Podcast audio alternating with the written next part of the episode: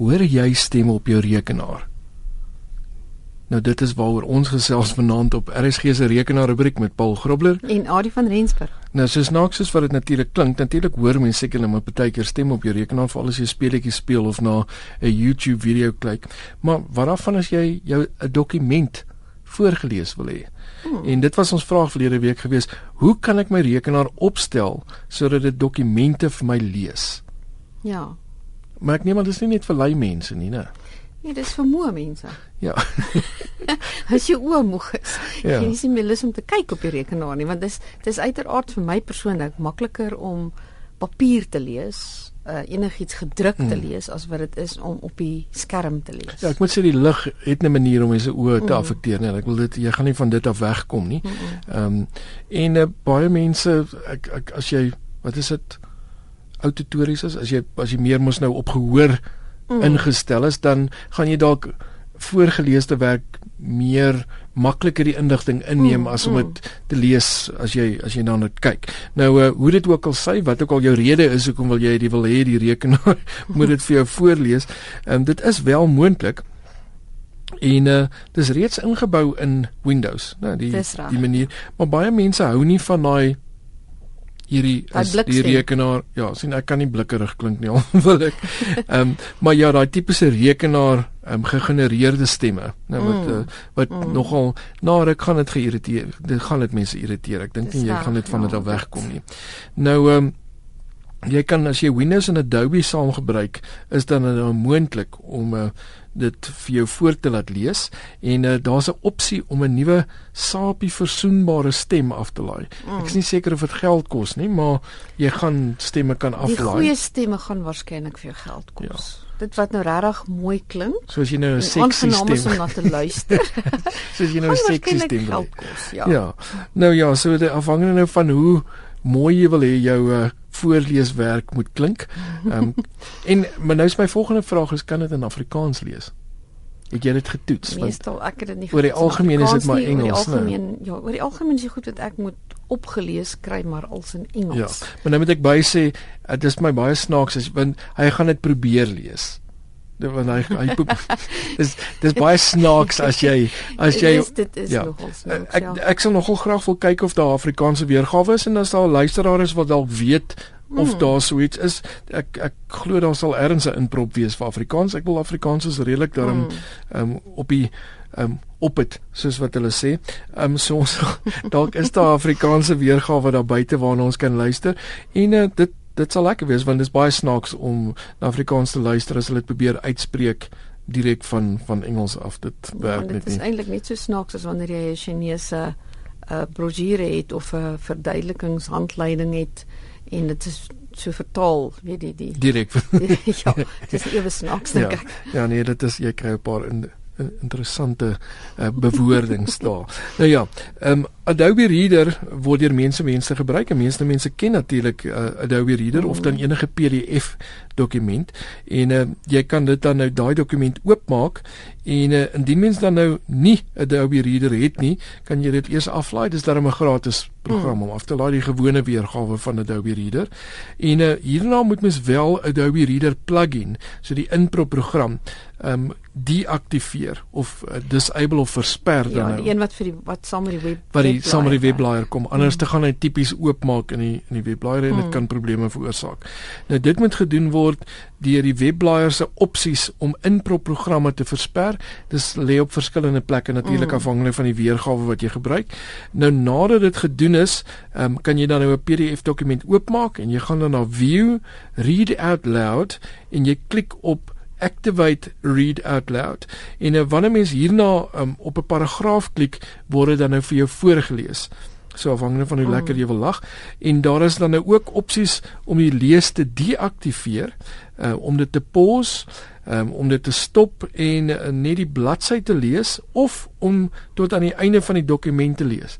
So as jy nou regtig uh, nie weet hoe om aan die slaap te raak nie, kan jy net maar sê lees voort. Ek gaan nou lê op my bed en luister tot ek wegraak. Ja, maar dit kan help vir mense wat moet studeer en Ja. hulle dis of in 'n dokument, 'n Word dokument of miskien in 'n in 'n PDF, En hulle moeg, dit wat ja. hulle moet leer. Nou uh, ek sien 'n paar matrieks mag nog mag da, mag dalk vinnig hierdie opsie begin gebruik vir die res van hulle eksamens. Nou ja, indien 'n mens dan nou 'n .doc, docx of 'n txt leer het wat gelees moet word, eh, kan jy dan die dokument oopmaak in Microsoft Word en jy klik dan op die klein pyltjie in die quick access toolbar, dis natuurlik links bo waar die undo en die redo ikone voorkom. En daar gaan jy dan na more commands en uh, nadat die word options dialoogvenster oopgemaak het, klik jy dan op die tuimeltjieslys wat popular commands wys en verander dit na all commands. Ehm um, dan rol jy nou maar net af met die lys totdat speak in die lys gevind word.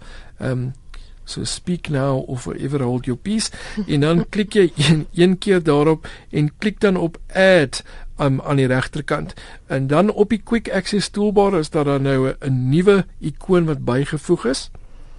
En om dit uit te toets kan 'n mens 'n paar woorde of 'n paragraaf selekteer en dan die nuwe speak ikoon klik en indien mens die hele dokument wil laat lees, druk jy byvoorbeeld net die kontrolsleutel en A saam en want dit kontrol en A kies dan die hele dokument net. Ehm um, en dan uh, klik jy dan die ikoon en dan gaan dit nou die hele dokument vir jou voorlees. Indien die stem dit te vinnig lees, verstel dit deur te gaan na die start en tik narrator in by die soekblok. Gelukkig kan niemand my stem se spoed verander nie. Jy gaan nou maar dit moet vat soos ek dit gee. Ehm um, dan maak jy die narrator oop en dit dan klik jy op voice settings om die spoed, volume en die toonhoogte te verstel soos dit jou pas. Ek wil nie iemand met my so verstel as ek praat nie, maar jy kan dit dan nou doen op die rekenaar as jy nou sou wou. Ehm um, en daarna klik jy op OK en die verstellings gaan dan so wees en dan kan jy na die dit luister nou met die nuwe verstellings en natuurlik dit weer gaan verstel as dit hmm. jou nie gepas het nie. Nou uh al die om meer te lees oor hierdie um, of dan nou die rekenaar te kry om dit vir jou te lees, waar kan mens gaan um, nou, vir ja. meer inligting? Nou, heel eers by www.howtogeek.com is daar 'n artikel wat wat gaan oor how to make your computer read documents to you. En ehm um, dan natuurlik is mens as jy mens nou nie 'n Windows gebaseerde rekenaar het nie, maar jy het 'n Macintosh, Apple Macintosh, dan kan jy nog steeds dit gaan laat dit vir jou voorgeles word. Dan kan jy gaan kyk vir die stappe om dit op te stel by www.wikihow.com skynstreep make a mac read to you. Ek is bly dit het nie gesê gesê make a apple read to you nie want ja.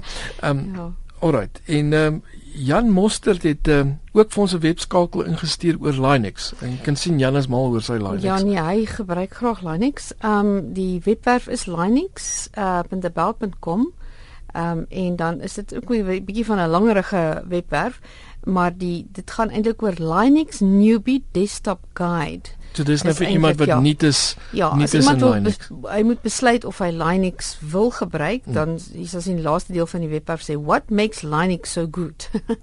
so jy kan gaan oplees daarop as jy oorweeg om Linux te wil installeer. Nou ja, gaan kry hierdie skakels by rekenaar by ag skus. Ehm um, dis ons e-posadres is rekenaar by rsg.co.za. As jy dalk 'n skakel het wat jy met ons wil deel, ehm um, of natuurlik kan jy hierdie skakels kry by rsg.co.za onder chalatyd by die rekenaar rubriek. En uh, Jan het dan ook vir ons 'n probleem in Kingsoft Office. Ja, Kingsoft Office. Nou, dit is 'n uh, sagteware sê wat in Linux wat jy deur Linux kan hardloop en dis amper identies aan Microsoft Office. Nou um, om een of ander rede sê hy wil die chart nie nie gaan jy kan hom insert vanaf jou sigblad af nie. Okay. So dit wys 'n onaktiewe ikoon. Nou ek het nadat ook navorsing gedoen, dis daar's 'n dis 'n probleem wat op meer as een forum bespreek word en dit lyk nie of daar vreeslike oplossing is nie. Kingsoft sal waarskynlik dit moet verander. Ehm um, so as jy in die forum gaan kyk, kan jy by ubuntuforums.org gaan kyk En dan ehm um, byvoorbeeld hulle kla baie dat die berekeningsikoon is word ook met ander wyse so grys. Met ander wyse jy kan ja. op hom klik nie, hy is nie jy kan hom aktiveer nie. So ehm um, dan is daar uh instruksies om 'n kaart in Writer in te sit. Mhm. -huh. So Jan kan miskien gaan kyk of hy of hy dit gaan regkry. Kingsoft dash free office dash office dash 2013.blogspot.com. Ehm um, en dan Die res kry dit by RSG se webwerf. Ja, gaan gerus na rsg.co.za by Chala tyd by die rekenaarrubriek en uh, nou ja, weer eens, 'n rekenaar is net so slim soos wat jy hom geskryf het, né? Nou uh, net tyd vir 'n vraag, waarvoor kan mens Google Drive gebruik? Ons is volgende week terug van Paul Grobler en Adi van Rensburg. Groete.